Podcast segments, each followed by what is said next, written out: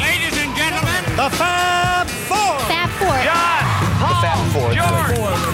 Fab Four. not four. Fab Four. We have for you the Fab Four. Fab Forecast. Give peace a chance.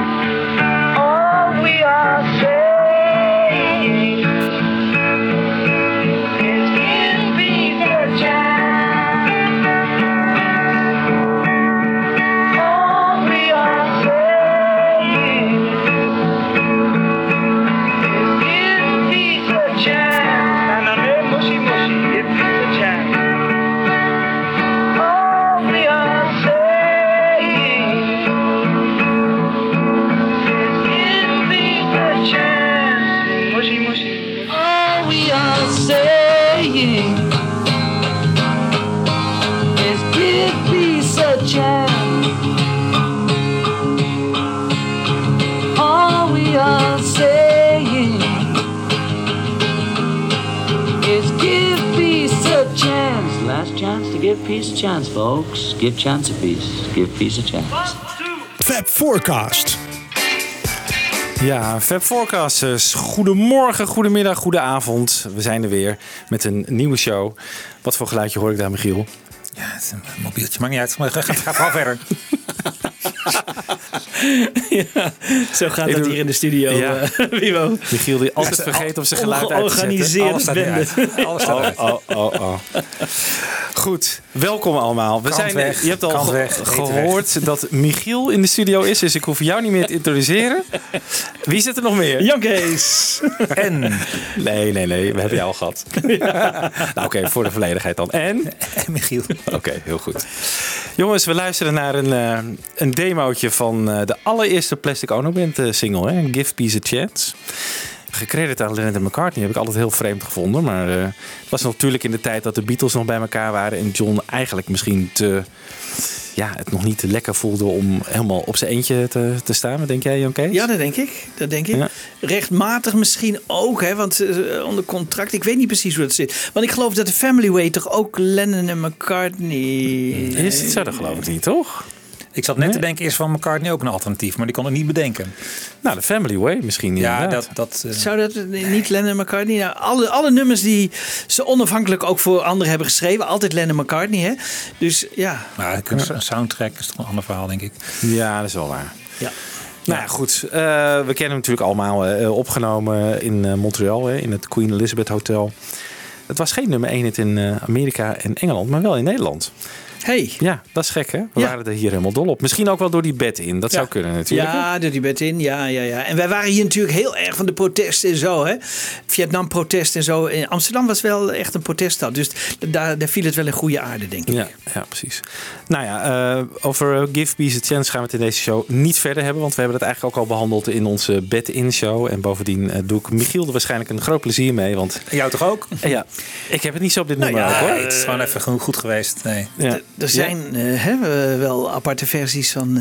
eh, die zijn er wel. Er zijn een paar outtakes van eh, bekend. Van, eh, Ja, maar volgens mij is dit dan toch ook... Of is het thuis opgenomen, denk je? Ja, dit lijkt meer een demo, hè? Ja. Ja. Misschien is het ook wel eh, in Montreal al van tevoren ergens opgenomen of zo. Dat zou kunnen. Dat zou Dat kunnen. zou kunnen. Wij gaan ons in ieder geval in deze aflevering eh, focussen op eh, drie andere vroege solo Lennon singles. eh, die niet op een album verschenen. Namelijk op Cold Turkey, Instant Karma en Power to the People. En voor de volledigheid hadden we eigenlijk Happy Christmas er ook nog wel bij kunnen doen. Maar ja, kerst vieren nu in mei, dat, hè, dat zien we toch niet zo zitten. We gaan in ieder geval beginnen met Cold Turkey. Jongens, de tweede single van de Plastic Ono Band. Vinden jullie ervan? Ja, was dat, heeft John dat niet voorgesteld nog? Als Cold Turkey Ja, als zeker. Beatles single? Ja, Hè, zeker. dat is toch interessant hoor. Hè? Dus, eh, bij- die beroemde eh, tape die Mark Lewison eh, heeft gehoord, waar wij een stukje van hebben gehoord in, in Liverpool. Ja, dat vond ik wel heel boeiend dat hij dat echt serieus bedoelde als een als een Ja, hij heeft het voorgesteld aan, eh, aan Paul en George. Ja, En eh, ja, hij heeft een demo laten horen die we straks ook nog even gaan luisteren. Eh, maar ja, ze zagen het helemaal niet zitten. Het was natuurlijk ook niet zo'n universeel eh, boodschapachtige eh, song natuurlijk. Die, het was heel erg. En het ging over heroïne afkicken. Nee, bovendien hoogst persoonlijk. Ja. Wiebo, jij, Ja. jij appte laatst iets, hè? dat vond ik heel interessant. Je zei van ja, eigenlijk als je het jaar 70 bekijkt, en nou ja, laten we even zeggen dat 71 daar met deze nummer een beetje bij hoort, dan krijg je van alle Beatles toch wel wat unieks. Je krijgt van McCartney zijn eerste lo-fi album, Ja. van Ringo krijg je zijn eerste crooners album. Ja. Maar niet, niet zijn eerste, maar het eerste crooners album ooit. Ja, ja. Van een Ja. popartiest. Van George Harrison krijg je een, een, een driedubbelaar, wat ook nog nooit vertoond was. Ja. En wie vergeten we dan? Ja, John Lennon, dat hij zijn hoog, zo hoogstpersoonlijk zijn ziel op tafel legt. In de- Was dat eerder gebeurd in de popmuziek? Nou, niet Toch op die niet? manier. Nee. Nee. Dus die, die bedoel, dat Nee. vond ik interessant. Van, ja, de Beatles blijven ook na het uiteengaan van de Beatles ook eh, Ja. Ja. op tal van manieren gewoon baanbrekend. Dat is waar. Die eerste, die eerste periode. Zeker. Ja. Ja. Want wij konden Ja. niet bedenken toen van welk andere artiest legt zo zijn ziel bloot in zijn muziek. ja, dat is waar. En Cold Turkey. Je ziet het al bij John Lennon een beetje met Julia. Hè? Dan, dan merk je gewoon, hè, dus die, dat verlies van die moeder, hè, dat, dat geeft hij dan. Dat is eigenlijk al een beetje een voorzetje voor wat later de Plastic Ono Band wordt, hè, met Mother en, eh, en dat soort nummers. Hè, dat hij echt dat gemis Maar- duidelijk ja. laat blijken. Ja. Maar was het publiek toen al wel op de hoogte van dat Julia zijn moeder was geweest en dat het over haar ging? Want Eh, dat nee, Ken Scott volgens- heeft toen wel gezegd van ja, wij hadden helemaal geen idee Nee, dat, dat het is over waar. zijn moeder ging. Nee, dat is, dat, is, dat is waar, want het boek was nog niet uit van eh, Hunter Davies, volgens Nee, mij. oké, dus maar goed, er zit Ja. misschien wel een soort aanzet Ja. in. Ja, Bij zeker. Mother is het een ander verhaal. Bij Mother weet je gewoon van dit gaat gewoon over zijn moeder, neem ik aan. Dat men Ja. dat toch wel wist. Ja, ja. Ja, maar bij Cold Turkey was ook weinig, eh, zat weinig filter tussen. Zeg Ja. maar. Dan moet je Ja. ook wel ruiken, dit gaat hier over. ja. Ja. Ja. Ja. Ja, het gaat dus inderdaad over afkicken van, eh, van heroïne. ja. Daar was hij al tijdens de White Album trouwens mee begonnen, hè, met eh, de heroïneverslaving. En dat ging nog een tijdje door tot in Let It Be, in het begin. Want je hebt ook op een gegeven moment van die filmbeelden dat John wordt geïnterviewd door, eh, ik denk de Canadese tv. Oh ja. En dan is hij echt lijkbleek. Ja. En Ja. dat heb ik altijd zo'n beeld van, oké, nu Ja. zit hij echt onder de, onder de heroïne. Maar Ja. ik weet niet of dat zo is. En hij, hij eh, injecteerde het geloof ik niet. Hè? Dat hebben we met Mark Lewis van ook besproken. Dat hij, hij, Ja. hij rookte het waarschijnlijk. Dus ik weet niet hoe je, dat, eh, Ja. hoe, hoe je heroïne kunt roken. Maar dat kan vast. ja. Wat stond er op de B-kant eigenlijk? Eh, don't worry, Kyoko. Oh ja, Don't Worry Kyoko. Ja. Ja. ja. Nou ja, goed. Eind van de zomer 69. Dan besluiten eh, John en Yoko om te gaan afkicken van heroïne. Eh, en de voornaamste reden is omdat eh Yoko en John dus ook... Ze willen zwanger worden. Ze willen een kindje krijgen. En nou ja, dan is het beter natuurlijk als je van de heroïne af bent. Toch? Dat is wel... Voor je poten potentie.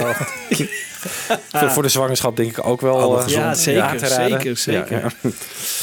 Maar ja, eh, ze gingen niet een of ander programma in. Ze gingen gewoon eigenlijk in één keer eraf. Gewoon het schijnt, dat Peter Brown heeft dat beschreven in zijn boek... dat ze eh, zich lieten rondrijden in een auto... en dat ze met z'n twee op de achterbank lagen... en daar het uitkermden van de afkikverschijnselen. Dus gewoon echt cold turkey in één keer van die eh, heroïne af.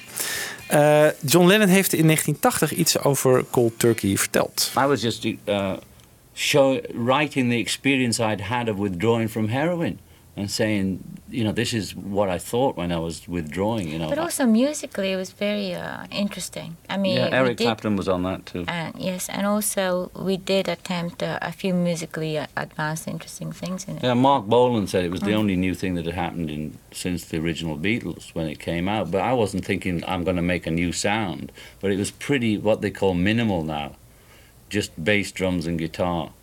But it was And- banned in America. It was banned because it referred to drugs. And instead of using it as an example of, you know, look, this guy is saying this is, it was like, to me, it was a, a rock and roll version of The Man with the Golden Arm. You know, it's like banning The Man with the Golden Arm because it showed Frank Sinatra suffering from drug, drug withdrawal. To ban the record is the same thing. It's like banning the movie because it shows reality. ja. Wat is de Golden Arm? Is dat dan... eh, The Man with the Golden Arm is een film van eh, Frank Sinatra. Dat gaat over verslaving. En eh, dat, dat, dat gaf in die tijd, eh, hè, in de jaren 50, nog wel heel wat eh, stof eh, doen, heeft dat doen Daar opwaaien. schrijft Lewison volgens mij ook over. Hè? Dat de Beatles dat zagen in de bioscoop en was schrokken van de, de effecten van drugs. Ja, ja dat klopt. Ja. Ja. En toen was het meteen al een beeld van, la, daar moet je nooit aan beginnen. Ja. Ja. En John dus wel. eh, nou ja, goed. Maar hij was dus echt verslaafd. Ja. En in hoeverre heeft dat zijn beslissingen beïnvloed die hij heeft genomen over Beatles en alles? eh, weten we daar iets van? Nou ja, deze Cold Turkey eind zomer 69. dat hij daar af was. Hij is daarna wel weer eh, in relapse gegaan. Dat hij weer aan de heroïne heeft eh, gezeten. Dus het was niet dat hij hier... en ook in de jaren zeventig trouwens nog. En Joko heeft ook nog weer een heroïneverslaving gehad. Dus het was af en aan. Maar ik denk wel dat het wel zijn besluitingsvermogen heeft beïnvloed, eerlijk gezegd. Ja. Ja, dat denk ik wel. Dat er moeilijk mee te communiceren was. Zeker in de Let It Be tijd. Hij was heel erg voor zijn doen passief. Hè? Bijna geen nummers geschreven. Nee. Dat heeft volgens mij ook wel hiermee te maken. Dat is wel interessant, want eh, hè, je zou zeggen, eh, eh, hoe zou het leven van Lennon zijn verlopen in dat jaar zonder heroïne? Had hij wel een andere druk gevonden, denk ik hoor. Ja, hè? Dat was natuurlijk wel iemand die er wel van hield en alles wilde uitproberen. Ja. Er staat wel een grappig verhaal, dat las ik nog ergens. Dat hij, je had zo'n personal assistant van Lennon, eind jaren 70, Fred Seaman heet Ja. hij. En die zegt dus dat Lennon hem ooit in vertrouwen heeft verteld dat het liedje eh, Cold Turkey eigenlijk ging over een, een voedselvergiftiging die John en Yoko hadden opgelopen bij het eten van een eh kliekjes van de kerstmaaltijd. Kalkoen dus. Ja, cold turkey, koude kalkoen. En dat ze daar zo ziek van zijn geworden. Maar Lennon zei toen van ja, dacht als ik daar eh, de, de waarheid vertel over dat nummer, dan gaan mensen me uitlachen. Dus we doen wel alsof het over heroïneafkikking gaat. Maar ik weet niet of dat waar is. Nee. Dat heeft die Fred Seaman in zijn boek geschreven.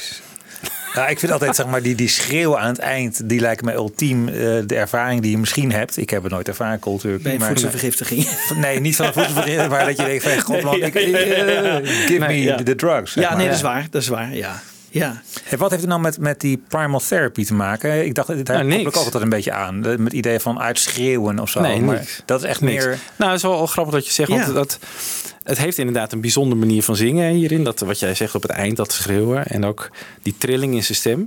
En die eh, Jan Wenner, die eh, eh, Rolling Stone eh baas. En ja. die interviewer, die dat beroemde interview Ja. met Lennon in 1970 heeft gedaan. Die dacht ook dat John Lennon dat schreeuwen eh, had uitgevonden. Naar aanleiding van die primal therapy Ja. eh, van eh, Arthur Janoff heet hij geloof ja ik. precies. Maar nee, zegt John, dat was al veel eerder, namelijk al op cold turkey. Dat heeft helemaal niks met die primal therapy te maken. No, no, but listen to Cold Turkey. But he's screaming already there. Listen to um, Twist and Shout. I couldn't sing the damn thing. I was just screaming. Listen to Wop Wop.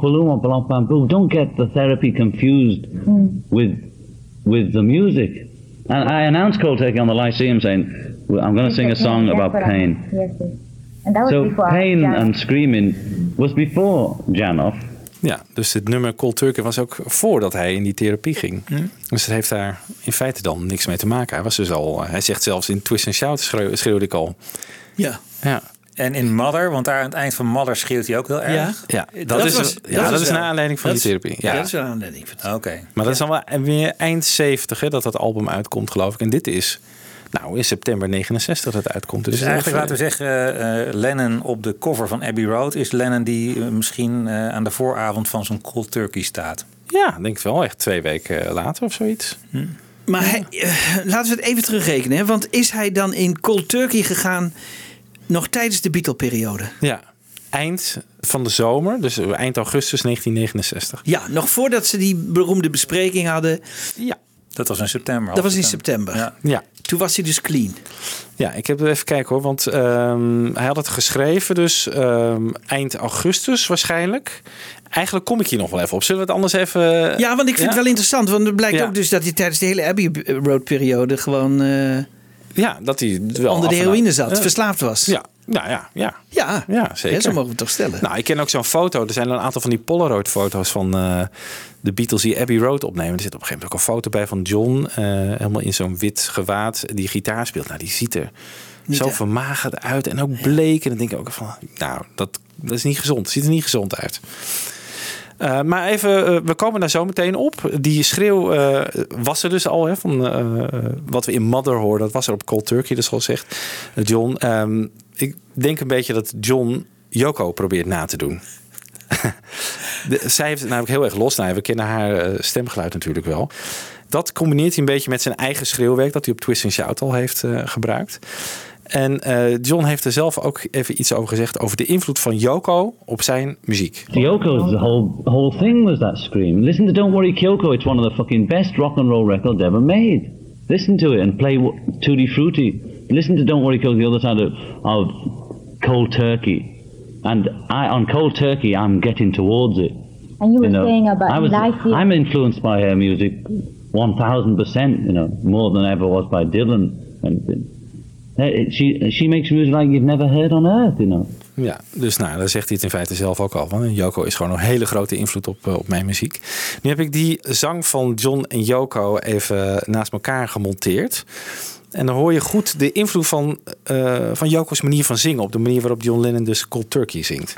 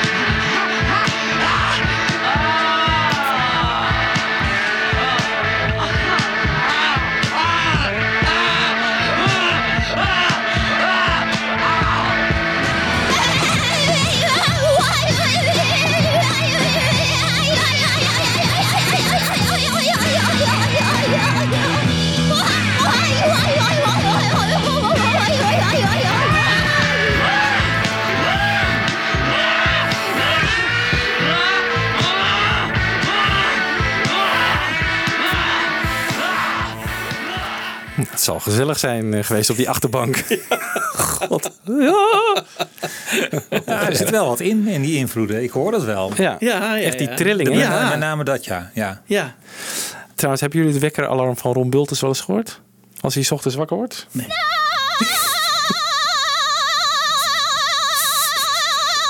Ron, wakker worden! Er een snoesfunctie op? nou ja. Oké. Dan even over Cold Turkey. Wanneer we het moeten plaatsen. Want daar hadden we het net al even over. Ik heb een quote van John Lennon over Bob Dylan gevonden... die een, op een of andere manier een aanwijzing geeft. He came to our house with Yeah. George, and when I'd written Cold Turkey, and, And we his were wife. and his wife, yeah, and we we were just I was just trying to get him to record, he'd get put him on piano for Cold Turkey to make a a, a rough take, but his wife was pregnant or something, and you know she didn't, and she they left, you know. Ja, hij zegt dus dat eh, hij Bob Dylan piano wilde laten spelen op Cold Turkey. Op een demo daarvan. Nou, en eh, George en Bob Dylan zijn dus bij John thuis geweest. En dat is na het Isle of Wight concert, Concert, geweest. Ehm, daar was John met George en Ringo en Bob Dylan die trad erop. En dat was op 31 augustus 1969. Dus dan zal ongeveer rond die tijd zal Cold Turkey geschreven zijn. En John die wilde daar dan een demo van maken. En John Lennon vertelde eh, dat Dylan's vrouw zwanger was en dat ze daarom weg moesten van, eh, van Tittenhurst Park. Dat kindje naar buik was eigenlijk Jacob Dylan. Oh. De zoon natuurlijk van, Van de eh, Wallflowers. ja, van de frontman van de Wallflowers. Geboren op 9 december 1969. Dus dat, Oh, die zou, drie maanden daarna zou die geboren worden. Ja. Even een leuk detail. Nou, die eh, ruwe demo eh, zonder Bob Dylan. Dus ja, maar die had helemaal geen zin in, toch? Nee, nou ja, goed, die moest dus weg omdat zijn vrouw. eh, Ja, maar hij had er ook geen zin in, Nou, dat, zou, dat zou ook ja, kunnen. dat heeft Ja. Bob Dylan later in een interview wel gezegd. Oh, oké. Moest Oké. spelen, maar had ik helemaal geen zin in. Had ik geen zin in. Oké, dus een, de zwangerschap van zijn vrouw was misschien was een excuus, om weg te gaan. Ja. Ja. Maar dus ging John die demo in zijn eentje opnemen. En die zou uiteindelijk zo klinken.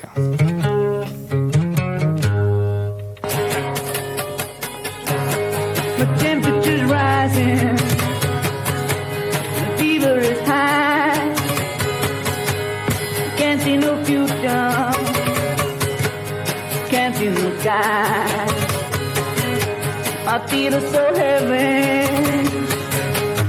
So is my head.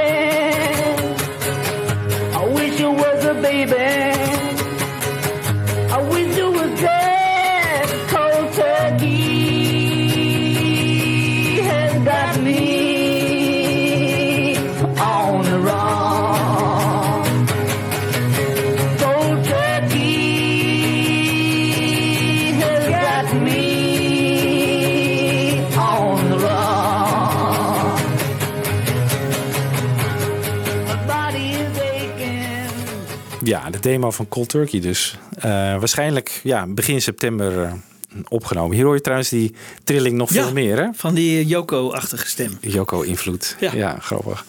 Nou, met die demo is hij dus naar Paul en George gegaan van... hey, eh, dit moet de nieuwe Beatles-single worden volgens mij. en Paul en George zeiden van... nou, oh, niet zo'n heel goed idee. Toch wel terecht, of niet? Ja, zeg. Dat was toch geen Beatles-single geweest? Nee, ik vind het prima nummer als single, ook zelfs van Lennon, maar niet eh, als Beatles-product. Nee. Nee. Nou ja, je weet niet wat, hoe George en Paul het nog hè, Beatle-achtig hadden kunnen laten klinken. Ja. Ik vind de, ja, de Ballad of John en Yoko, ik heb een heel ander gevoel bij. Dat is ook, ook een heel duidelijk Lennon-product natuurlijk, maar toch Ja. kan ik het echt als een Beatles-single zien. ja, vooral door de invloed van McCartney Ja. met zijn tweede stem en dat Ja. soort dingen. Ja. Ja. En op zich wel een positief eh, nummer natuurlijk. En dit gaat wel echt eh, even een stukje verder. Eh dit is gewoon over heroïne afkicken. Nou. Ja, maar en vooral ook, het Ja. probeert niet mooi te zijn. Nee. En een Beatles-single probeert het toch altijd wel. Toch? Ja. Ik bedoel, Ik denk, dit is gewoon de kale waarheid eh, wat hij probeert te communiceren. Niet een of andere esthetische Nee. product.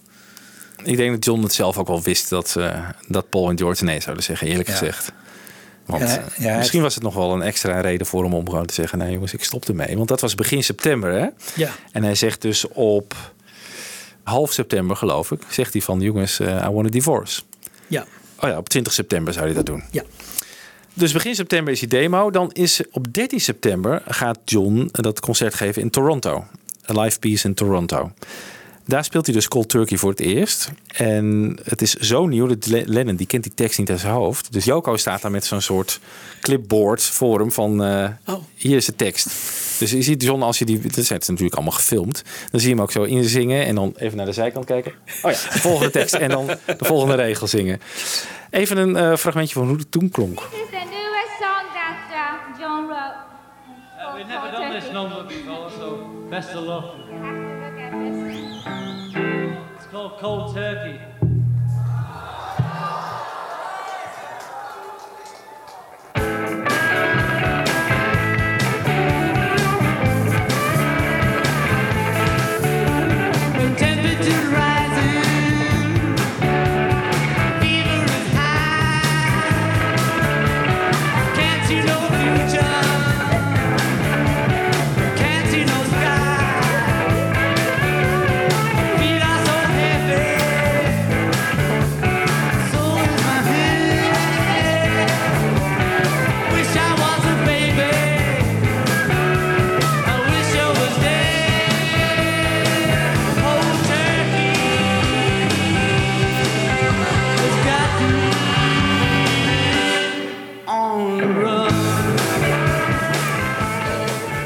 Klonk heel anders hè, dan de uiteindelijke studioversie.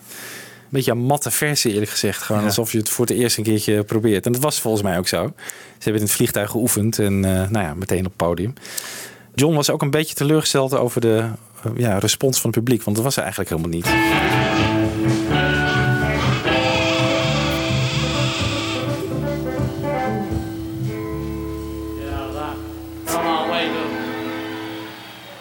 Come on, wake up, zegt hij. Kom op, publiek. Kom op. Dit is een nieuw Ja. ding, kom op. Ja.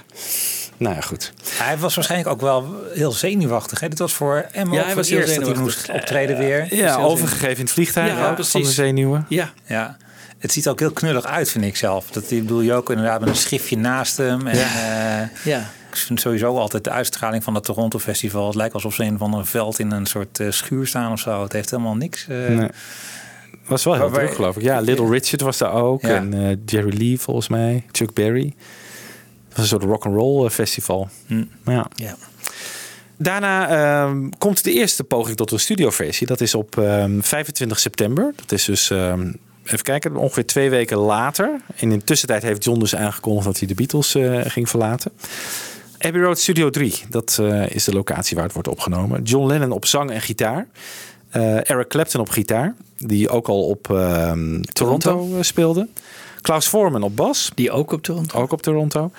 En in Toronto was Alan White de drummer, maar op de eh, studioversie is Ringo de drummer van eh, Cold Turkey. 26 takes. En take 26 duurde eh 5 minuten 10 en dat werd als de beste bestempeld. Maar toch besloot John om het op 28 september, dus drie dagen later, opnieuw op te nemen. En dit keer in Trident Studios met dezelfde bezetting. En dat zou uiteindelijk de versie uh, opleveren. En ja, Klaus Voorman op, dus op bas, hij vertelt iets over het basgeluid op het nummer. I suddenly came up with this lick. This And um, I know we doubled this. We doubled it, put the bass on one side, and then have two tracks playing the bass. Normally, you have the bass and the bass drum struck right in the middle but in this particular case, we put the put them on two sides, so you always have these slight fluctuations where, where it goes a little off. It's very haunting, and that's what we wanted, a haunting feeling. Nou, was mij eigenlijk helemaal niet zo opgevallen dat die bas dat in links en rechts zit en dubbel gespeeld is. Maar ja, als je erop gaat letten, dan hoor je het. Dan hoor je het wel.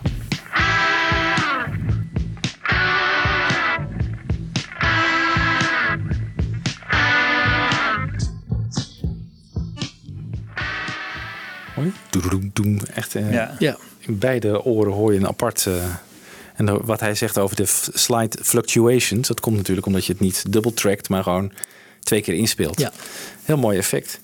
Eh goede vondst. Eh, andere goede vondst vond ik ook de manier van gitaar spelen. Want je hoort John nog in Toronto het gewoon als een soort ritme gitaar spelen.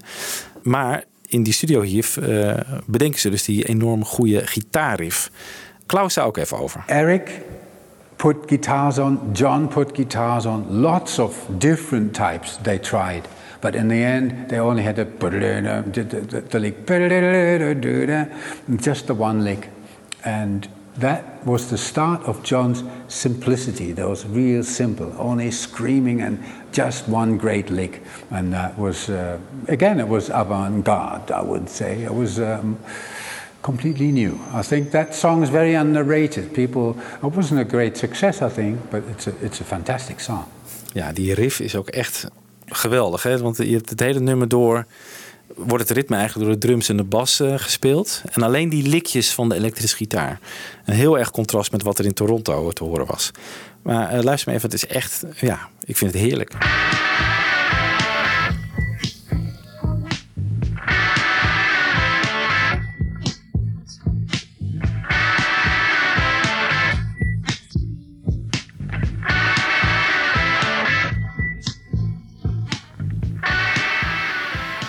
Hoor je nou af en toe een beetje het rondzingen of zo? De- Je hoort een soort piepje er eh, nog over. Ja, ik heb de vocalen eraf gehaald met een soort. eh, Ja, oké, maar dan hoor je nog een soort. Het lijkt alsof die.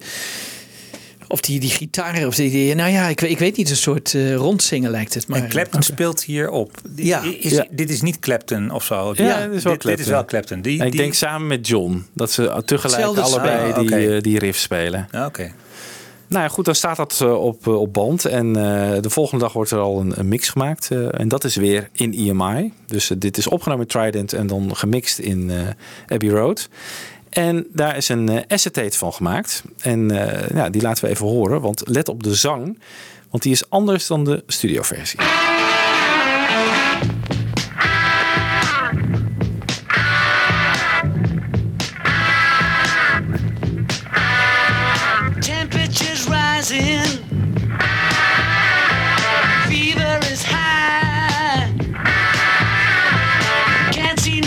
just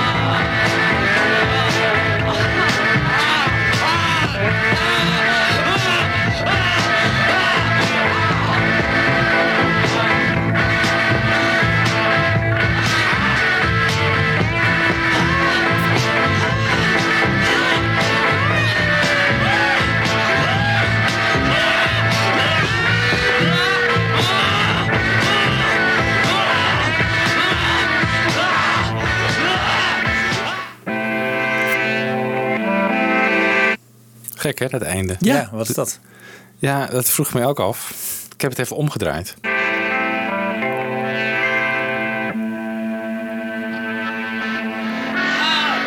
Interessant.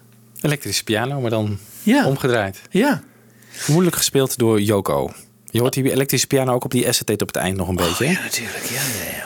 Maar hele andere zangpartijen. Heel anders. Veel minder dat Yoko invloed. Ja, die, die tremolo en zo, dat, dat trillen van die stem is, er, is eruit. Ja, misschien Ja. was hij toch een beetje dat hij dacht van, nou, misschien gaat het toch te ver of zo. Laat ik het gewoon met mijn eigen, eigen stem zingen. Ja.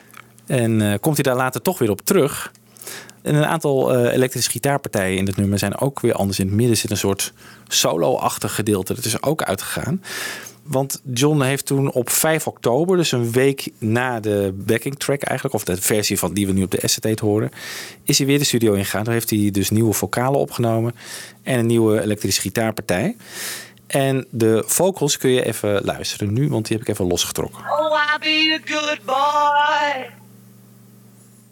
Please make me well. I promise you ain't a thing. Get me out of this hell. Old turkey has got me on a run. Ja, dat zijn dus de nieuwe vocalen die hij Ja, dus op... twee keer ingezongen waarschijnlijk. Ja, zeker het refrein. Ja.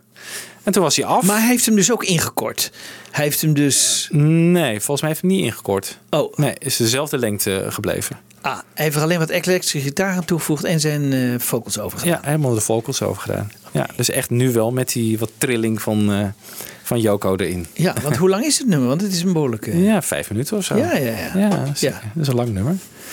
Nou ja, goed, op eh 15 dagen later lag het nummer al op single in de winkel. Dat was dus al vrij rap. Met Instant Karma zou dat trouwens nog veel sneller gaan. Hè? Dat was echt een... Ja, eh, dat wilde hij heel graag. Hè? De hij. Ballad of John en Yoko ook. Wilde hij zo snel mogelijk alles hup. ja, dat was een Ja, beetje zijn ding. eh. Ja. Maar en wat, wat, wat zijn de scores op de hitparade? Want Ja. op een gegeven moment eh, Ja, gaat die eh, zakken en dan... eh, Ja. ja, hij deed niet zo goed eh, eh, als hij dacht. In ieder geval nummer 14 in, eh, in Engeland.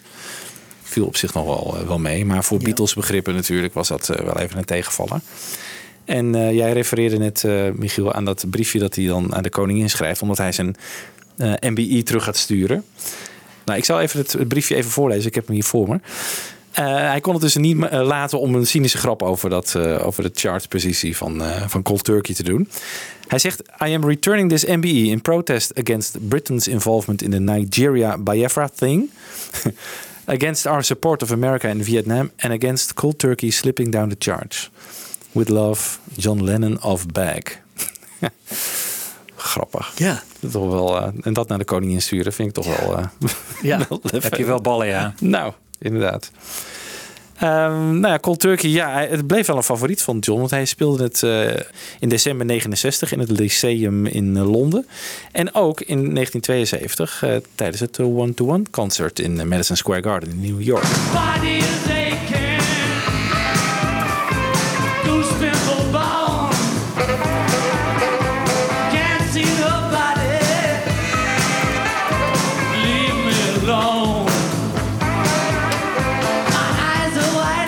Beetje een funky eh Ja, hier versie. hoor ik blazers er ook bij. eh. Ja.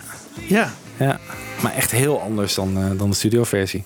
Maar in Amerika niet uitgebracht? Ja, wel uitgebracht. Zeker wel uitgebracht. Maar, Maar, niet, ook- ook niet eh, Nee. vaak gespeeld natuurlijk op de radio. Cold Turkey misschien. Nee. Referentie aan eh, drugs. Het werd ook ge, eh, geband, hè? Ja, cold turkey was natuurlijk wel een bekende term voor, eh, voor het afkicken. Ja. Dus dat was, eh, ja, hij wist denk ik ook wel dat de airplay gewijs niet echt veel zou uithalen. Wat deed het in de Billboard Top 100? Weet ik eigenlijk niet. Maar, Zouden dus we niet, niet, maar Nee, minder dan Engeland. Ergens in de 30 volgens mij. Oh ja, dus veel minder. Nee, ja, ja, veel minder, veel minder. Ja. Goed. Nederland nog uitgebracht ook? Ja, ook in Nederland uitgebracht. Deed het hier beter? eh, ja, dat weten we wel. Ja, ik ik weet alleen ga je nu wel erg veel vragen, hè, maar eh, ja. ja. Het was in ieder geval geen top 10 hit eh, Nee, nee. In, in de wereld. Goed, dat was Cold Turkey. Dan naar de volgende single. Dat wordt eh, Instant Karma. Lennon's beste song, jongens. Is dat eh, een goed statement? Wat denk je? Solo? Ja? Poeh. Nee, nee. Nee? Nee, nee, nee. Het staat denk ik wel in mijn top 5. Ja? Mij ook wel. Ja, hè? Ja. Ja, ik vind het Nee. een heel goed nummer. Ja, hè? En, en vertel even, wat, wat maakt jou zo enthousiast? Wat, wat in dit nummer, wat... Ja, wat... er zit eh, die felheid in Lennons eh, eh, stem. Eh, het wordt opzwepend gespeeld. De drums zijn fantastisch in het nummer. Die drummer Ellen White. We zullen hem straks ook nog even aan het woord laten. Eh, ja, wat hij hier op dat nummer doet. Het is bijna een soort solo-instrument als drummer. Ja. Het is echt fantastisch. Er zit een hele goede drive in het nummer. En ja, toch, ik ben geen fan van Phil Spector. Nee, maar hier, hier klopt het helemaal. Ja, hier ja. klopt het. Ja. Ja. Ja, misschien nog beter dan op enig product wat hij met George eh, heeft gemaakt. Maar hier is die Wall of Sound gewoon fantastisch. Hè? Ja. Ik, ik meen me ook te herinneren dat ze op een gegeven moment eh, voor de playback eh, in de studio gingen zitten. En dat Phil Spector liet horen hoe die het hoe die dat doet. Hoe die ja. die Wall of Sound op had gezet. En dat ze allemaal stijl achterover sloegen. Ja. Ja, het is een fantastisch nummer. Ja, vind ik ook hoor. Ja. Maar de, bij de vorige was hij dus zelf de producer. Ja, ja, wel een beetje. Ja, ja, heeft daar, ik weet niet wie daar de technicus eh, was. Misschien Nee, oké, maar- McDonald. Maar ja, maar, maar die, die had niet eh, de invloed van een producer. Nee. Die bepaalde niet hoe het eruit. Dat was Lennon zelf. En nu koos hij toch, toch weer voor Phil Spector. Nou ja, weer. Het was de eerste keer. Hè. Dit- nou ja, we met, de nu- Beatles dan ook. Hè? Dus daar, daar wilde hij ook heel graag dat Let It Be eh, door... Maar dat was naar aanleiding van dit eigenlijk. En volgens mij was Phil Spector wel op uitnodiging van Ellen Klein in Londen in hè, begin 70, in januari. En kwam op een of andere manier in contact met George. En door George, omdat hij ook is uitgenodigd voor de opnames van Instant Karma, die zei van nou, eh, Phil, kom maar mee. En Phil is er toen, heeft kennis gemaakt met, met John. En toen werd er eh, dus besloten van oké, produceren dit dan ook maar. Ja, dus... Maar, en daarna Als is hij pas gevraagd om Let It Be te gaan eh oh opknappen. ja. En All Things Must Pass daarna? Ja, dat is de tweede, volgens mij een beetje de tweede helft van 70. Dat dat wordt opgenomen. En Plastic Ono Band, de LP, Is ook een beetje rond die tijd. rond die tijd. Ja. Ja. Ja, dat is allemaal, allemaal 70. Ja, allemaal 70. Ja. Instant Karma. Ehm, het concept Instant Karma, dat is eigenlijk, ja, als ik het een beetje goed begrijp, zodat je de acties die je doet, dat die meteen gevolgen hebben voor je karma. Voor, het is eigenlijk een beetje actie-reactie eh, verhaal. En dit inzicht kwam eh, bij John na aanleiding van een paar gesprekken die hij had met eh een Melinda Kendall. Dat was de vrouw van Tony Cox. Dat was de ex-man van, van Yoko. Hè? En, Hmm. De Lennons zaten rond oud en nieuw 1970 in eh, Denemarken. Ja, daar heeft Anne over geschreven. Daar Ja. heeft Anne over geschreven. Ja. Ja, ja. Die is bij het huis eh, geweest. Ja. Ja. Eh, ze zaten daar drie weken, daar echt gewoon helemaal in the middle of nowhere in Denemarken. Nou ja, en sowieso wel een beetje gek natuurlijk dat je met de ex-man van Joko drie weken lang in een huis gaat zitten. Tenminste, dat kan ik me dan moeilijk voorstellen. Maar het schijnt dan ook gegaan te zijn om de voogdij voor dat eh, kindje van Joko, hè, die Kyoko. Dat, dat ze samen met, eh, met Tony had. Maar goed. Lennon zei zelf in 1980 over Instant Karma: eh, Everybody was going on about karma, but it occurred to me that karma is instant as well as it influences your past life or your future life. There really is a reaction to what you do now. And also, I'm fascinated by commercials and promotion as an art form. So the idea of instant karma was like the idea of instant coffee, presenting something in a new form. Heeft hij erover gezegd. Dat heeft hij volgens mij in dat ehm, Playboy-interview gezegd. Waar heel vreemd van. Kan, ik, 1980, kan ik nergens de audio daarvan vinden. Heb jij dat is er niet. Dat, is, er, niet. hè? Nee, dat is er niet. Nee, nee is heel jammer, want eh, hij doet leuke uitspraken daarin. Ja, ik heb het boek laatst gelezen. Ja. Ik heb dat in de kast staan al jaren. En ik dacht, nou, ik ga het toch eens even lezen. Ja. Dat is een mooi interview. Ja, dat is een heel mooi interview. En af en toe hoor je wel eens wat quotes die je dan uit de anthology herkent. Dus die, de audio is er wel. Maar ik denk dan misschien dat Joko dat gewoon in haar Oh, privé... dan moet iemand het hebben, ja, want ik, ik heb het nooit... Maar er komen uitspraken voor die ik ken uit... Ja, is anthology. Ja, dus heel... Maar zijn hij deed rond die tijd meerdere interviews, hè, dus hij kan ook meerdere keer dezelfde uitspraak ongeveer. Maar jij herkent het echt Ja, uit, ik eh, herken uit, het wel. oké, Ja. Playboy, ja. ja. ik denk dat het gewoon in beheer is bij Joko. Zoiets zo. denk Dat, ik, eh, ja, dat is wel jammer. Ja. Ik vond wel dat je het goed voorlas hoor. Dus, dus of het nou Lennon is of. Everybody was going on with... nou goed. John die wilde natuurlijk eh, altijd al met de Ballad of John en Yoko en Cold Turkey eigenlijk singles uitbrengen als kranten. Hè? Gewoon meteen, het houdt me nu bezig en het moet meteen eruit.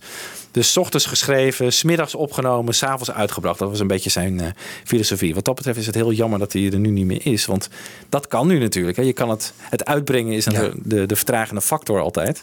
Maar dat is het natuurlijk nu niet meer. Je kan het gewoon bij wijze van spreken gewoon in de avond eh, op Spotify zetten. Ik, ik, heb, eh, ik was die Ruttles show aan het voorbereiden. En daar schijnt op een gegeven moment eh, George Harrison ook tegen die Neil Innes te hebben gezegd. toen hij zo'n zo'n Beatle-achtig liedje presenteerde. Toen zei die George Harrison ook van ja, instant karma's gonna get you. Met andere woorden, een beetje godstraf onmiddellijk. Hè? Hier, hier Ja. ga je verbloeden, keeltje. Dus, eh, Ja. dus zeg maar de negatieve kant van instant Ja. karma. Dus, eh, ja, ja. Ja, ja, ja, zeker. Nou, ja, dat, dat snel uitbrengen, dat lukt toch eigenlijk wel aardig met Instant Karma. Zeker in die tijd. Want tien dagen nadat Lennon het geschreven had, ligt het al in de winkel. Ja, ja. En ja, zoals zo vaak bij Lennon het geval is, hè, speelt hij gewoon echt leentje buur bij, eh, bij andere artiesten, maar ook wel bij zichzelf. Ehm, bijvoorbeeld de intro, die is gebaseerd op eh, Some Other Guy van Richie Barrett en later natuurlijk ook eh, gecoverd door de Beatles. This is some other guy. You'll notice the intro is slightly like Instant Karma.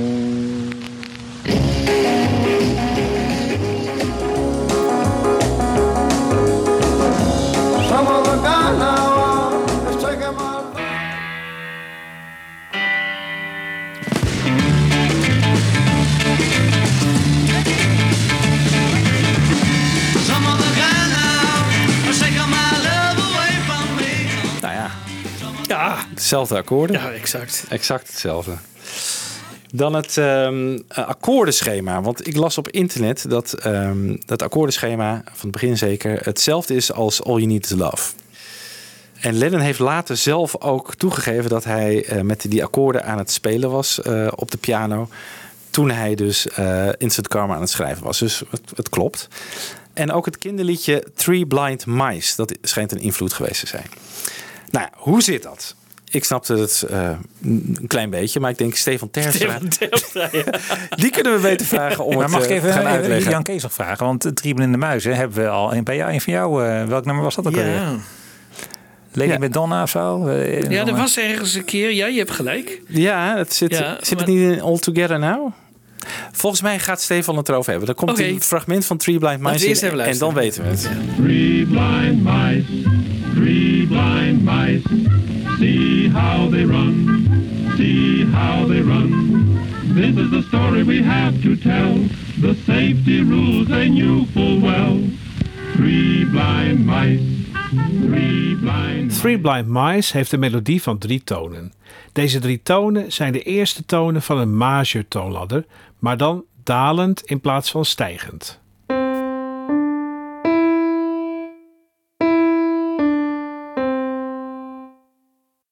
Als je het melodietje wat langzamer speelt, klinkt het zo. Met een beetje fantasie hoor je hier de eerste drie tonen van het All You Need Is Love thema in.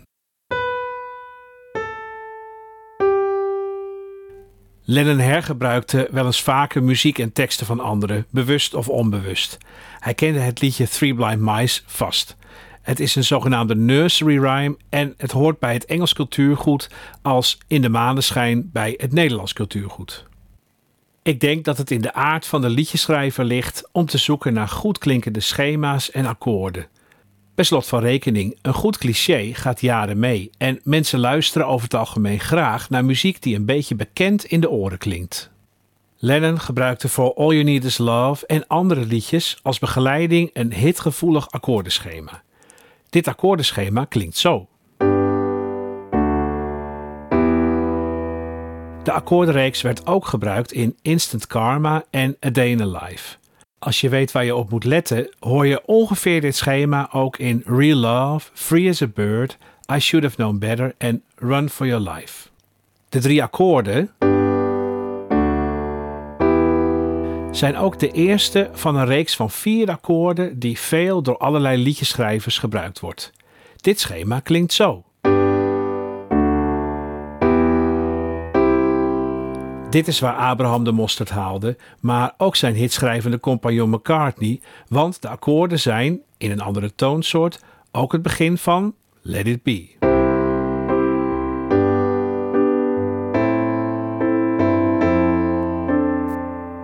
Op het internet is veel te vinden over de zogenaamde four chord songs, waar deze vier akkoorden de basis van zijn. Het zijn letterlijk honderden liedjes, van Let It Be tot Country Roads, No Woman No Cry tot What If God Was One of Us. Maar dat leidt nu te ver. Wat je wel eventjes kunt doen, is thuis de akkoorden op de piano spelen, als je weet hoe dat moet. Dan zijn het een G, D, E mineur en C. Om af te sluiten leek het me leuk om een gedeelte van All You Need Is Love, Instant Karma en A Day Life met elkaar te combineren. Je kunt dan horen dat de akkoordenschema's hetzelfde zijn. Ik heb Instant Karma wel een toontje omlaag gezet. Zet je koptelefoon maar even op, dan kun je het goed horen. Het klinkt zo.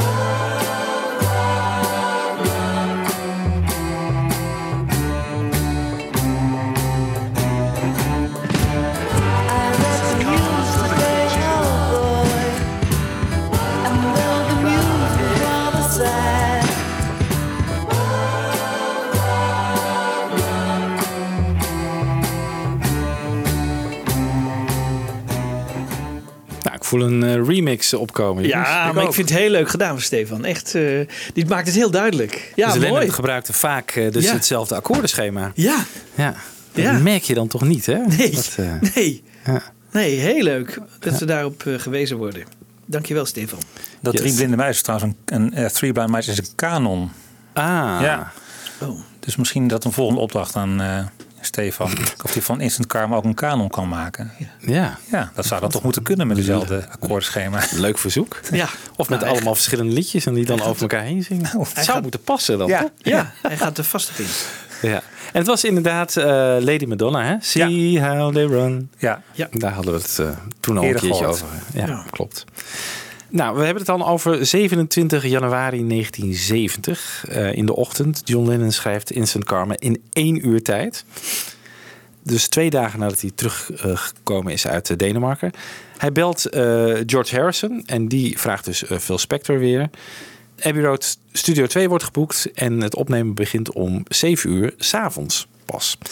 John Lennon zegt iets over Instant Karma. I wrote it in the morning on the piano, like I've said many times, and I went to the office and I, sang it. I thought, hell, let's do it. And we got, booked the studio, and Phil came in. He said, "How do you want it?" I said, "You know, uh, 1950, but now." He said, "Right," and boom, I, I did it in about three goes or something, and went in and he and he played it back, and there it was, you know. And uh, only argument, I said a bit more bass, that's all, and off we went, you know. Ja, zo makkelijk kan dat zijn, hè? Op bas speelt wederom eh, Klaus Forman. Die speelt eigenlijk in die beginperiode bij Lennon op bijna al zijn platen. Die vertelt wat over de opnames eh, op die dag. This little man was running around. Tiny little man, and he had PS on his shirt. And PS, PS. I had no idea who this man was.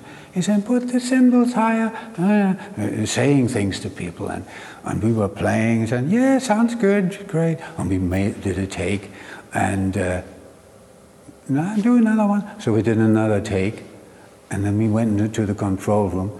All tape machines from the whole EMI studios must have been put into that room.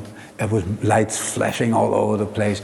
The tapes were running around, and we just went in and said, "Yeah, I'm going to play." So he turned on the thing, and boom, boom, and wah, the volume full up. That was so amazing. I mean, I don't know what it would be like now. I have no idea. But for us, that experience of hearing this sound right there, and I knew this is Phil Spector. I never seen Phil Spector. I didn't know what he looked like. Phil Spector. That was amazing. It really killed me. That was this dry bass drum, the dry bass. Then you had the piano with a wave ring on top of it, and it was just fantastic, just incredible. I can't, I can't explain it. It was magic. It was magic. Like we played okay. It sounded good. We heard it in the ears with not much effect, I think none at all. And we played okay. And then suddenly you have somebody like the big master doing this with a record. Fantastic. Ja, we hadden het er net al even over. Dat ze met allen in de controlekamer zaten. Ja. Ja, dat moet wel even een ervaring geweest zijn. Ja. Ja, Is, geweldig. is de Wall of Sound. De Wall of Sound. Ja, ja, het is wel de Wall of Sound. Maar ik vind hem wel subtiel gebruikt ja. of zo. Je hoort, wel, eh, je hoort hem wel. Maar hij heeft het wel veel erger gedaan. Met de Ronettes bijvoorbeeld is dat, klinkt het veel meer. Veel vetter. Ja. Zijn naam is al even gevallen, Alan White. Die eh, hoorden we op drums. Die speelde op Toronto dus ook al eh, mee. Later zou hij drummer van Yes worden. De progressieve rockgroep Yes. Ja, die drums, geweldig, geweldig. Er is een bepaald eh, shuffle ritme hè, wat, er, wat erin zit. Dat heel veel in eh rock and roll uit de jaren 50 werd gebruikt. John wilde ook dat het als een 50s nummer zou klinken. Dus dan krijg je al heel snel een, eh, een shuffle ritme. Eh, shuffle is een beetje beetje zo'n galopperend ritme. Eh, Ellen White even over de drumpartijen. we got in there, and, we- and I, I, I only think we ever took it like four or five times, and we, but I, I kept at that time in my life, I was experimenting because I, I, with my own band, I'd been experimenting with doing kind of like playing drums a regular rhythm, but when you come to kind of drum breaks, you change the meter of the drum breaks, so it sounds like you step sideways for a little while and then go back to the song. So uh, we were playing this in Karma and uh, used uh, the tom tom is like a cymbal. Uh, so it was like a shuffle, but playing tom toms like a cymbal. And um, we put a cloth, uh, a towel over it, so it was muffled. So it was like boom, boom, boom. It was really tight sounding like that. And then uh, when it came to the drum breaks, I'd step out and change the meter of the drum break a little bit to the side. And John said, Whatever you're doing, keep doing it. He said, That's perfect. and he never really told me to do anything. I was just like messing around, experimenting with the drum breaks. He said, No, do that every time it comes to this part of the song. Ja, is helemaal op konto van Ellen White, die hele drumpartij. En John zei van ja, speelt het maar lekker, Ja. goed. Ja. Ja. Je hebt ook zo'n gedeelte in het nummer van Why in the world are we here? Dat is wat hij bedoelt, denk ik. Dat het gewoon echt zo'n break is waarvan je denkt, wat gebeurt er nou? Is het niet heel Keith Moon-achtig? Die ook alles opvult. Heel losjes, heel veel roffels en eh, ja. niet echt in een vast ritme, maar heel... Het Ja, die doet dat ook inderdaad. Ook heel veel, eh, een beetje de drums als een soort lead-instrument Ja. eh, gebruiken. Ja, dat doet hij hier ook. Even kijken, tien takes van Instant Karma worden er opgenomen. Ehm, John Lennon zit eerst op akoestische gitaar. Eh, wordt later gewist. En take 10 wordt dan eh, ja, de keeper. De ritmetrekker waar ze dus eh overdubs op gaan doen. Waaronder dus piano. Weer even Ellen White. we got the, backing track, and um, then we needed to put uh, piano on it. Uh, and we overdubbed the piano, and four of us played the piano at the same time because Phil Spector, being Phil Spector, wanted 15 tambourines and four pianos all playing the same thing. And then they make one sound out of it. So John and myself were on one piano playing dang, dang, dang, dang, dang, all that stuff. And then. Um, Klaus and I think it was Gary Wright. He was was on the other piano, and were, all four of us played on two upright pianos, just banging away all the way through the song. That's what you hear. Dus twee piano's die door elke twee mensen worden bespeeld. Dus dan heb je gewoon vier handen die piano spelen. Ja. Ja. Nee, acht. Ja, oké. Ja, Ja, eh, Vier personen met acht handen, inderdaad. Heel goed, heel goed. En het was trouwens niet eh, Gary Wright die erop speelde, maar eh, George Harrison op eh, piano. En John Lennon en Klaus Voorman die speelden beide op een elektrische piano. Dus een combinatie van een elektrische piano en een gewone piano die, je- die je dan hoort. Met acht handen. En nou, de avond eh, die, die vorderde. En op een gegeven moment zei John van, er mist nog iets. Er moeten meer stemmen op. Then once we had that, was getting into the evening a little bit. So we were layering everything up, getting it all kind of down there. And John all of a sudden said, he said, we need more voices on this. And uh, we said, well, we can all sing, and we, but we know we don't have enough tracks to double track kind of, we all shine on like the moon, stars, and the sun. So he wanted like a huge thing, and it was getting late, and it was that time at night. So he sent Mel Evans to, uh, who was the Beatles' main roadie, Mel Evans, um, really great guy like a cuddly teddy bear. He went off. He said, "I've got an idea," and he went to I think it was the Revolution Club in London, and the club was uh, kind of starting to close by the time he got thing down there, and he rounded rounded all these people up from the club and he invited them all back to the studio. And they were all pretty i think half cut by the time they left. So they all all these people started traipsing through the door and i'm looking at them going this is not going to be easy to get them all singing chime and in tune because you know they'd been drinking all night.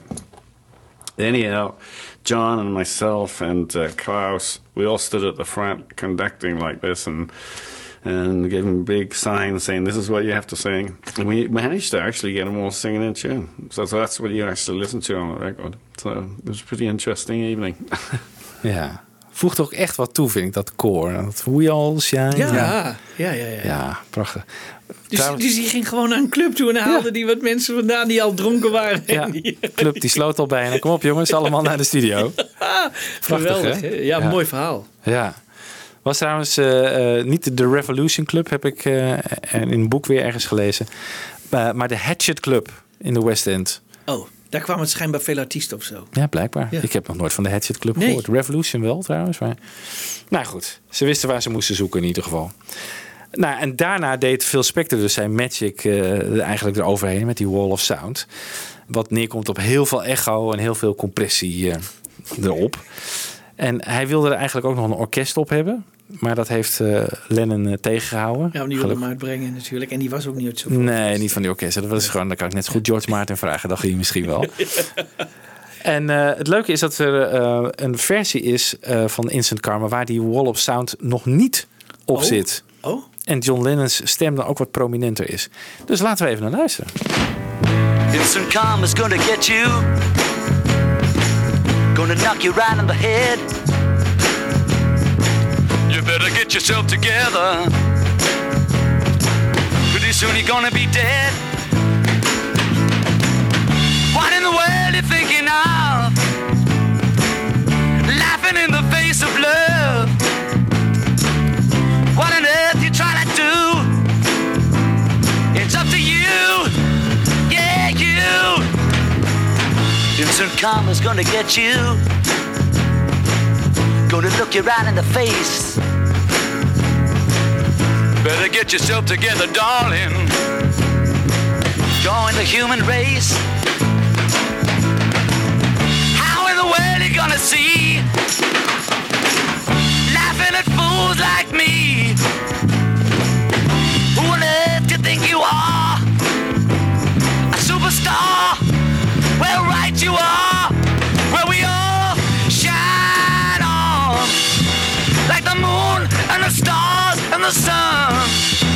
Where we all shine on, everyone, come on. Instant karma's gonna get you, gonna knock you off your feet. Better recognize your brothers. Everyone you meet. Why in the world are we here?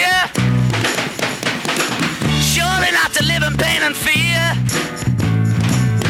Why on earth are you there? When you're everywhere, come and get your share.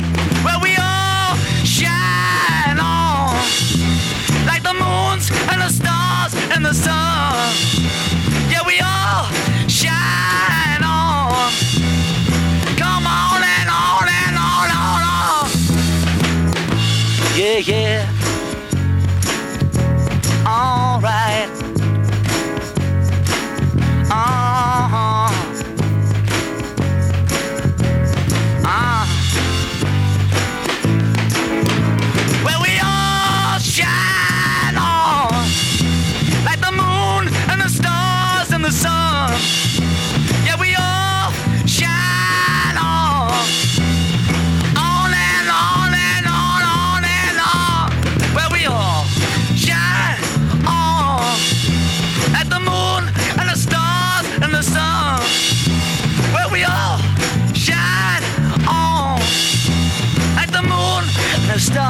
And the sun. Where we all shine on like the moons and the stars and the sun. Yeah, we all shine on like the moon and the stars and the sun. Where we all shine on like the moon and the stars and the sun.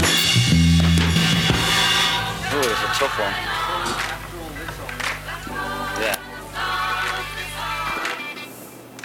Ja, klinkt het toch heel anders, Ja, hè? Wat is dat einde? Dat is... eh, Dat is nog een stukje koor, denk ik, Ja, eh, van die lui uit de, uit de kroeg. die wisten van geen ophouden. Eigenlijk vind ik het, eh, ja, het is inderdaad, een, jij noemt het bijna zelfs het beste solo-nummer, maar het is ook een beetje een, een soort onderbelicht nummer of zo. Het is, niet een, Ja. het is een klassieker, maar niet iets wat heel veel gedraaid wordt. Of ik heb dan de neiging om even naar de top 2000 te kijken. Daar heeft het één keer in gestaan op plaats 1383 of zo.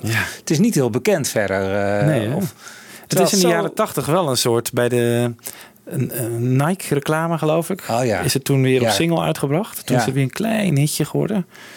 Maar nee, inderdaad niet echt. Het is niet dat, dat je mensen vraagt, noemen ze een nummer van Lennon. En dat dan ze dan komen ze meteen met karma komen. Nee, Nee. nee. Maar gaaf hieraan is ook hoe hij op een gegeven moment is hij helemaal uitgeput. Hè? Ja.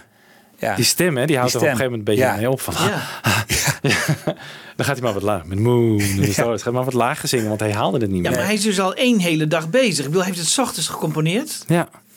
Smiddags iedereen bij elkaar geroepen, s'avonds gespeeld, dan nog een keer mensen uit de kroeg en, dan, en ook nog laat geworden. Dus eh, Mhm. het was een vermoeiende dag voor Ja. hem. ja. Ja, maar ehm, ja, ik, eh, hoe, hoe heeft het verder gedaan? Want, eh, of kom je daar zo nog op? eh, in, de, in de hit, in de, nou, dat, in de... dat weet ik. Daar, kom ik zo, daar zou ik zo op komen. Ik heb natuurlijk een draaiboekje hier liggen. Ja. Maar ik wil het voor jou wel even, Ja, da- even want vertellen. omdat je het nu toch over hebben. met- Nou, met- overal in de wereld werd het top 10. Dus dat was echt wel een grote hit. In Amerika nummer 3. En daar nam je trouwens eh, grappig genoeg op tegen Let It Be eh, in de top 3. Die haalde nummer 1 en Instant Karma nummer 3. Dus eh, nee, maar overal top 10. Ja, ja. Nederland ook, Engeland ook. Ja. Dus nee, echt een grote hit. Ja. Geloof ik ook de eerste solo Beatles single die meer dan 1 miljoen eh, exemplaren verkocht. Dus Oh. het was echt, eh nee, dat is eh, goed bezig. En dat kwam misschien ook wel doordat eh, John optrad in Top of the Pops hè, in Engeland. Oh ja, met die band Power. and the- Power. People for Peace. Zoiets, ja. Ja. band om zijn arm. Ja. En het korte haar natuurlijk, want dat Ja. had hij gekortwiekt. In, in Denemarken. Ja, in Denemarken. Hij zat toen, even kijken, op 6 februari en op 11 februari zat hij in, in Top of the Pops. Dat was de eerste keer dat een Beatle daar weer was sinds 66. Hè? Toen met Paperback Writer en eh, toen ze daar eh, stonden, waarvan volgens mij kort geleden ook weer wat beelden zijn opgedoken. Nou, er waren twee clips. Je hebt eentje dus dat hij inderdaad in een soort spijkerjackie zit met People for Peace eromheen. En eentje in een soort zwarte kooltrui. En eentje eh, zit Joko geblinddoekt en doet zijn kaart omhoog. En eentje is een clip waar ze zit te breien.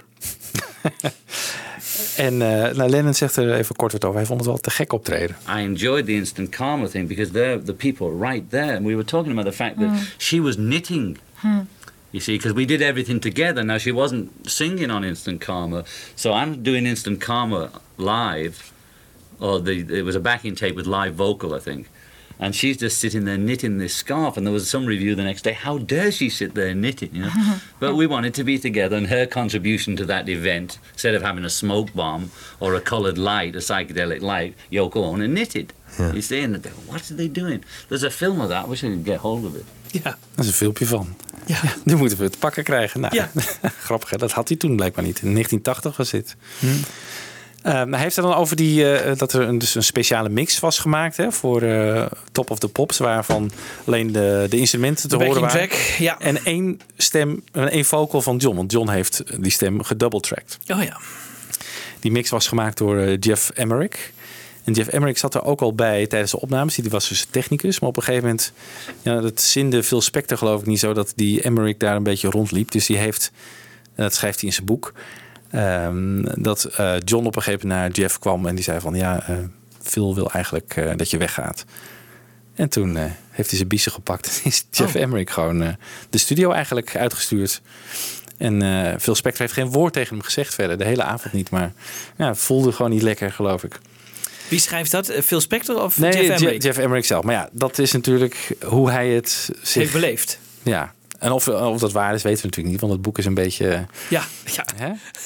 Maar goed, dit zal ongetwijfeld. Je zal er niet om gaan liegen. Nee, nee, nee, want het zal is- ongetwijfeld gebeurd Ja. zijn. Maar eh, als je dan even die, die clip hoort en je hoort Lennon live dus meezingen met de backing track plus één vocal die er nog van de studioversie op staat, dan klinkt dat een beetje raar.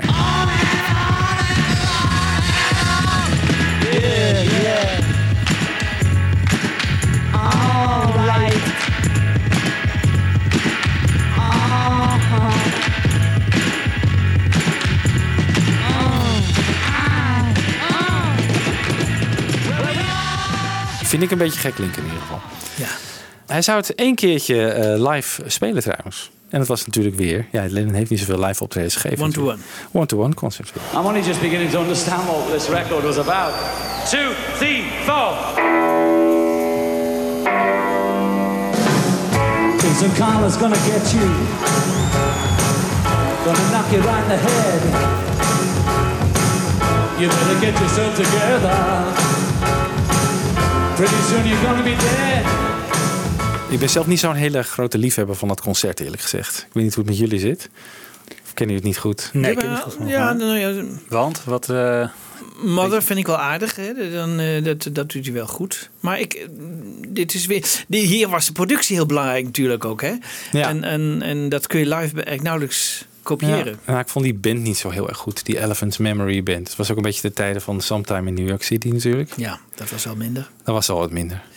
Ja, nou ja, en eh Sometime in New York City wordt een beetje dat, de politieke kant hè, van Lennon. En de eerste eh, aanzet daartoe eh, wordt gezet met een single, Power to the People. Dat is even wat vooruit in de tijd ten opzichte van Instant Karma. Want we hebben het nu over ja, een jaar later, januari 71. Eh, we hebben dan Primal Scream eh, gehad, het album Plastic Ono Band gehad. eh, waarvan Mother nog een single was in Amerika. Maar die behandelen we nu niet, omdat we... Ja, we hebben het plan om ooit nog een keer een show over de Plastic Ono Band te gaan doen. En dan behandelen we dan Mother wel. Power to the People. Jongens, wat is jullie mening daarover? Ja, ik heb het idee dat, dat hij er toch meer van had verwacht. Dat het echt een soort national anthem zou worden. En dat het dat Ja. niet helemaal geworden is. Ja.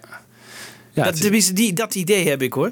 En, en daar was het misschien ook net niet sterk genoeg voor of zo. Nee. Ik weet het niet. Nee, ik vind het ook niet een heel sterk nummer inderdaad. Het is meer eh, gebaseerd op een soort slogan die al wel Ja. bestond. Power to Ja. the people. Je hebt hier ook wel die hele grote productie, hè? Meteen al. Het valt zo enorm binnen. Ja. to Ja. Ja. Weer met dat koor, hè, eigenlijk. Ja. net. En Ja. Spectre ook weer als eh, producer. Ja, Ja. dat wordt heel duidelijk. Ja. Ja, dat hoor je wel weer duidelijk. 21 januari 1971 eh, moeten we nu naartoe. Want eh Lennon was net terug uit eh, Japan. En deed toen een interview voor het radicale linkse tijdschrift Red Mole. En interviews daarvan waren Tariq Ali en Robin Blackburn. Dat waren politieke schrijvers en activisten die dus dat tijdschrift hadden opgericht. En ja, Lennon had kritiek gehad van die twee mensen op eh, ja, Lennons geloof in een soort geweldloze oplossing om vrede te bereiken. En met Give Peace a Chance. En in Revolution zei hij natuurlijk al van... eh, If there's a revolution, you can count me out. Oh ja. En ook nog ergens in. Dus Ja. hij twijfelde heel erg. En nou, met de War is Over campagnes allemaal. Lennon was echt voor een geweldloze oplossing om tot vrede te komen. Dat waren die anderen niet. En eh, die vonden die bed-ins eigenlijk maar gewoon een beetje publiciteitsstunts. Ik dacht van ja, slap grap. Haalt helemaal niks uit. Actie, veel meer effect. En naar aanleiding van dit gesprek schreef eh, Lennon toen diezelfde avond nog... dus hij had 's middags een eh, interview. Diezelfde avond ging hij nog Power to the People eh, schrijven. Uit een soort schuldgevoel, zei hij later. that was the sort of the expression going round those days, and uh, I just Tarek had kept coming around wanting money for the Red Mole or some magazine, you know. And I used to give anybody it was sort of left field, avant-garde, or so in the art field or the political field money, uh, kind of out of guilt as well because I was thinking, well, I'm working class and I'm not one of them, but I'm rich, so therefore I have to. So anytime somebody said something, I would fork out, you know. And uh, he was hustling for whatever he was hustling for. And I kind of wrote Power of the People in a way, kind of as a, as a guilt song, you know?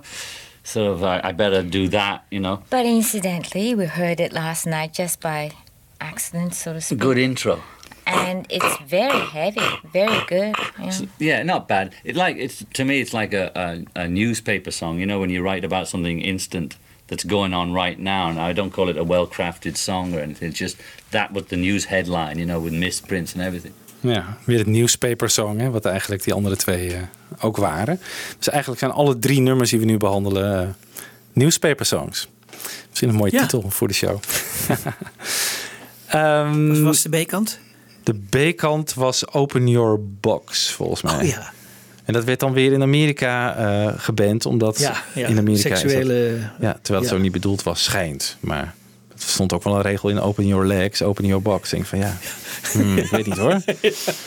nou goed. Hij zei het al, hè, een beetje uit schuldgevoel eh, eh, geschreven, omdat hij zich eigenlijk wel een beetje altijd identificeerde met dat soort linkse gasten. Ehm, en dat zelf ook wel was. En, eh, maar ja, hij voelde zich ook de rijke popster. Dus hij voelde zich bijna verplicht om gewoon geld te geven aan dat soort eh, mensen. En ik vind het een heel erg groot contrast met de, de peacenik die eigenlijk daar in dat bed lag in maart 69. En dan twee jaar later is hij eigenlijk gewoon compleet anders. En dat zou pas een vlucht ook nemen met Sometime in New York City. Waar hij heel erg radicaal wordt in zijn teksten en zo. Maar dit nummer is dus in begin 71 geschreven en opgenomen. En daarna moest dus nog Imagine worden opgenomen. Dus hij heeft eigenlijk een soort radicaal nummer. En dan gaat hij heel erg terug naar de, ja, de Lennon, eh, Imagine, het hele vredeachtige boodschappen allemaal. En dan komt hij weer terug op die, die radicaliteit en maakt hij Sometime in eh, New York City.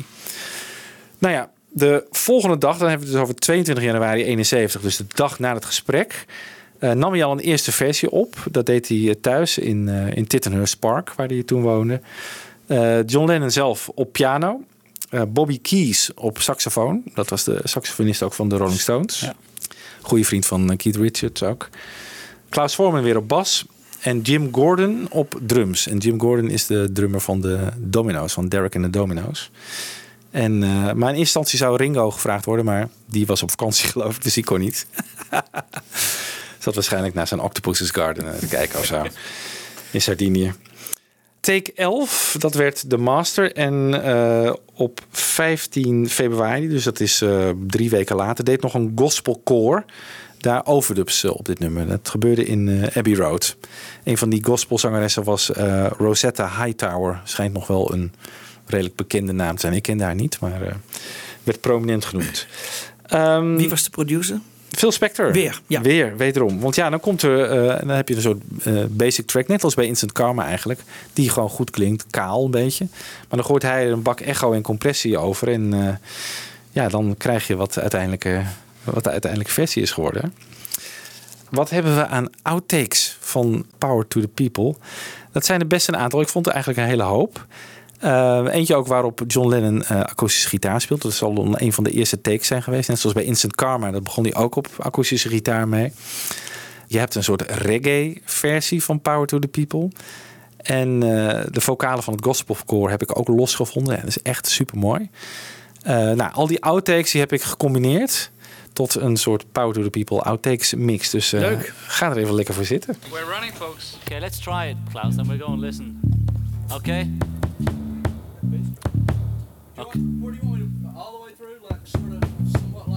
Yeah, see how you feel, you know, just play like you feel. One, two, three. Buggy you.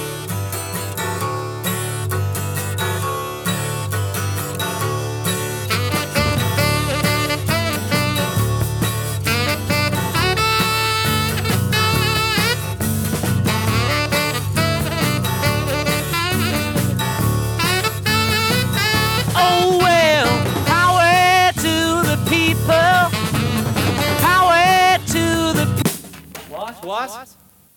What the hell is going on? What should we do? We can't do anything. with that. Where's he fucking gone? Let's do a pause record. Here we go. Take two, three, four, four. How was it? Not quite that fast. Okay, okay, let's start. One, two, three, four.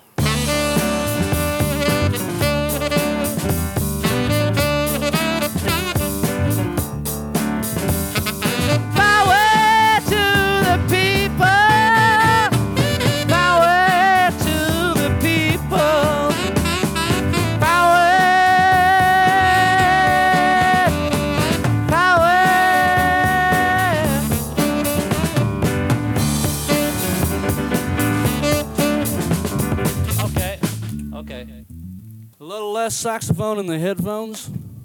Zero, hora. Actually, we couldn't change change the sax solo to before that last. I got to ask you, comrades, because I run out of breath by then. What do you think? No, no, we better leave it. I can always sing it again. Okay. Okay. All right. Two, three, four. Start again, and again, and again. Sorry. Huh. okay. oh, Jesus Christ, oh, man. Power to your elbow. Okay.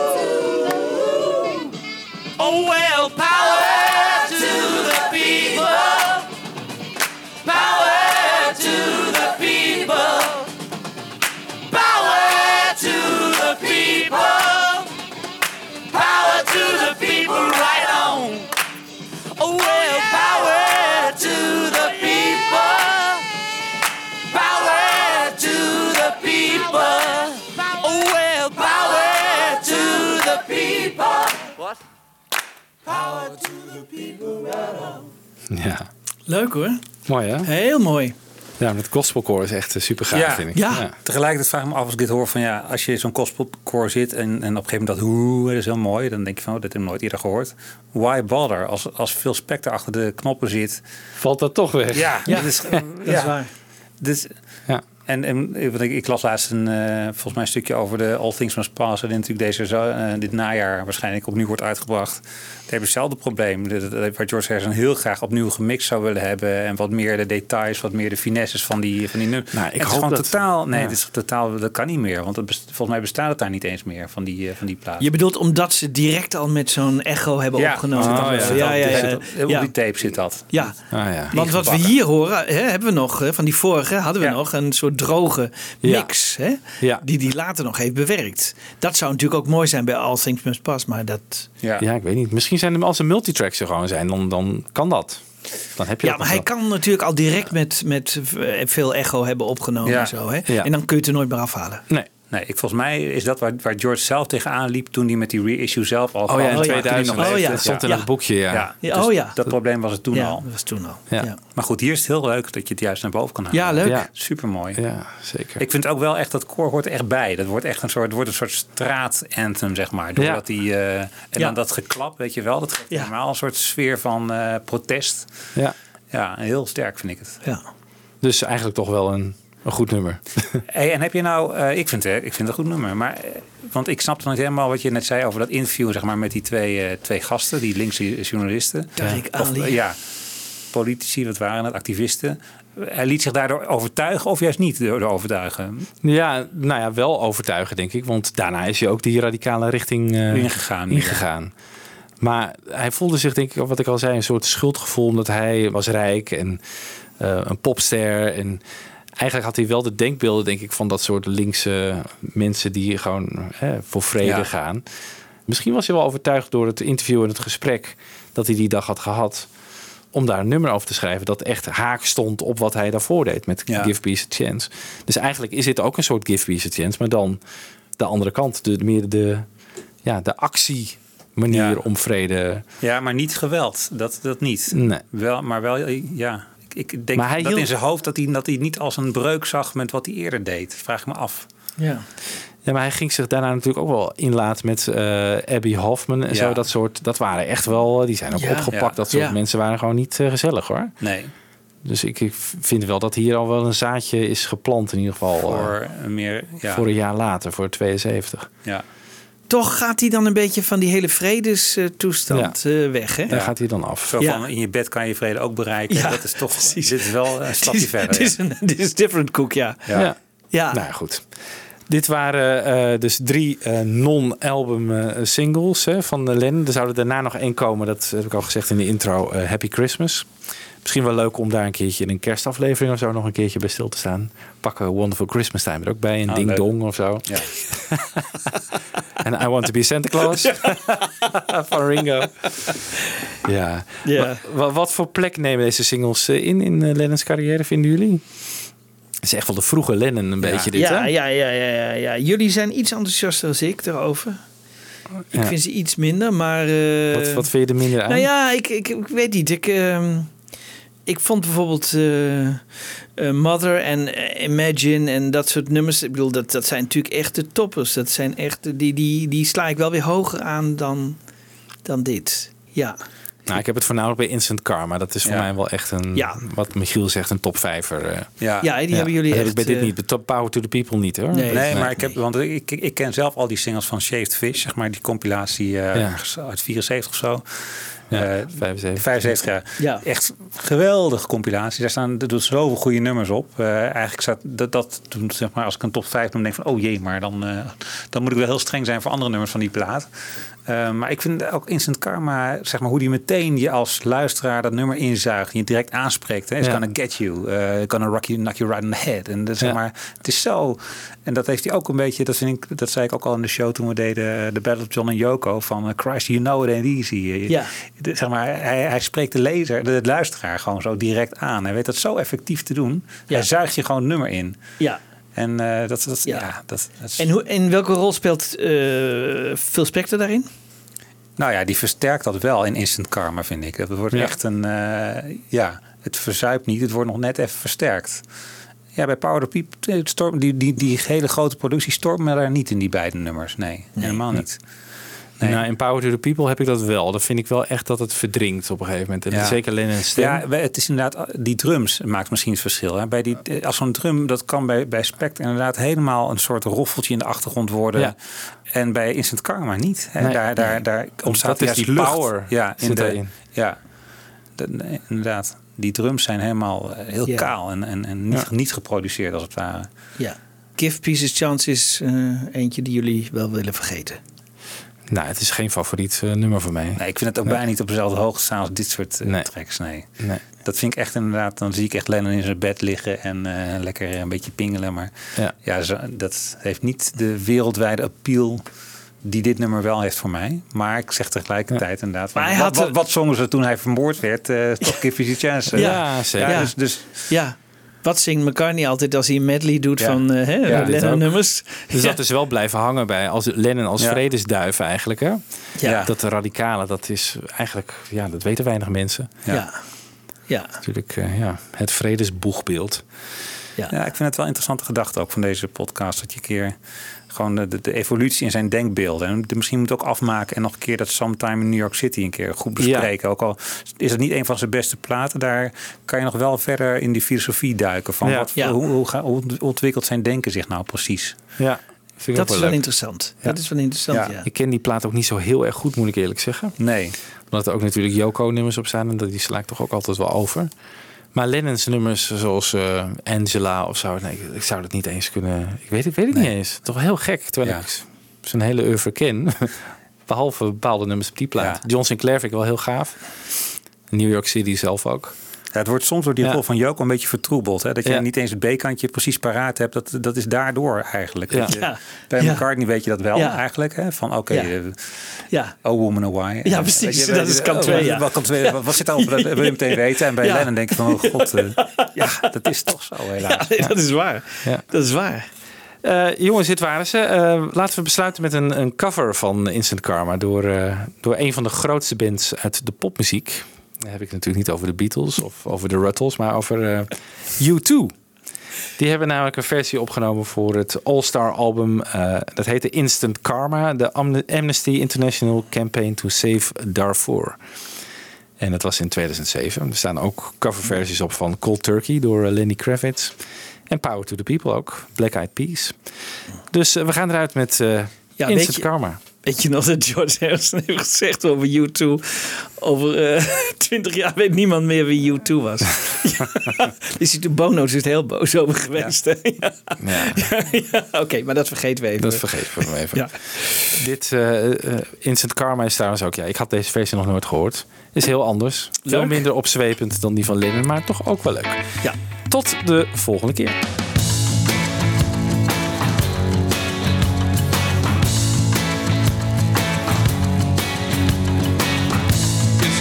Karma's gonna get you.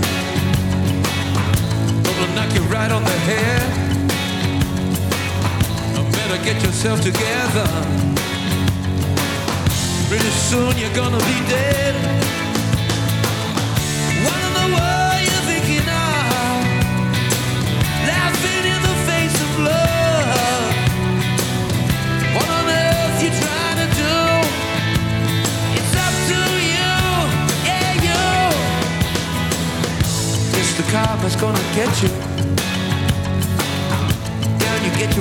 face. Better get yourself together, darling.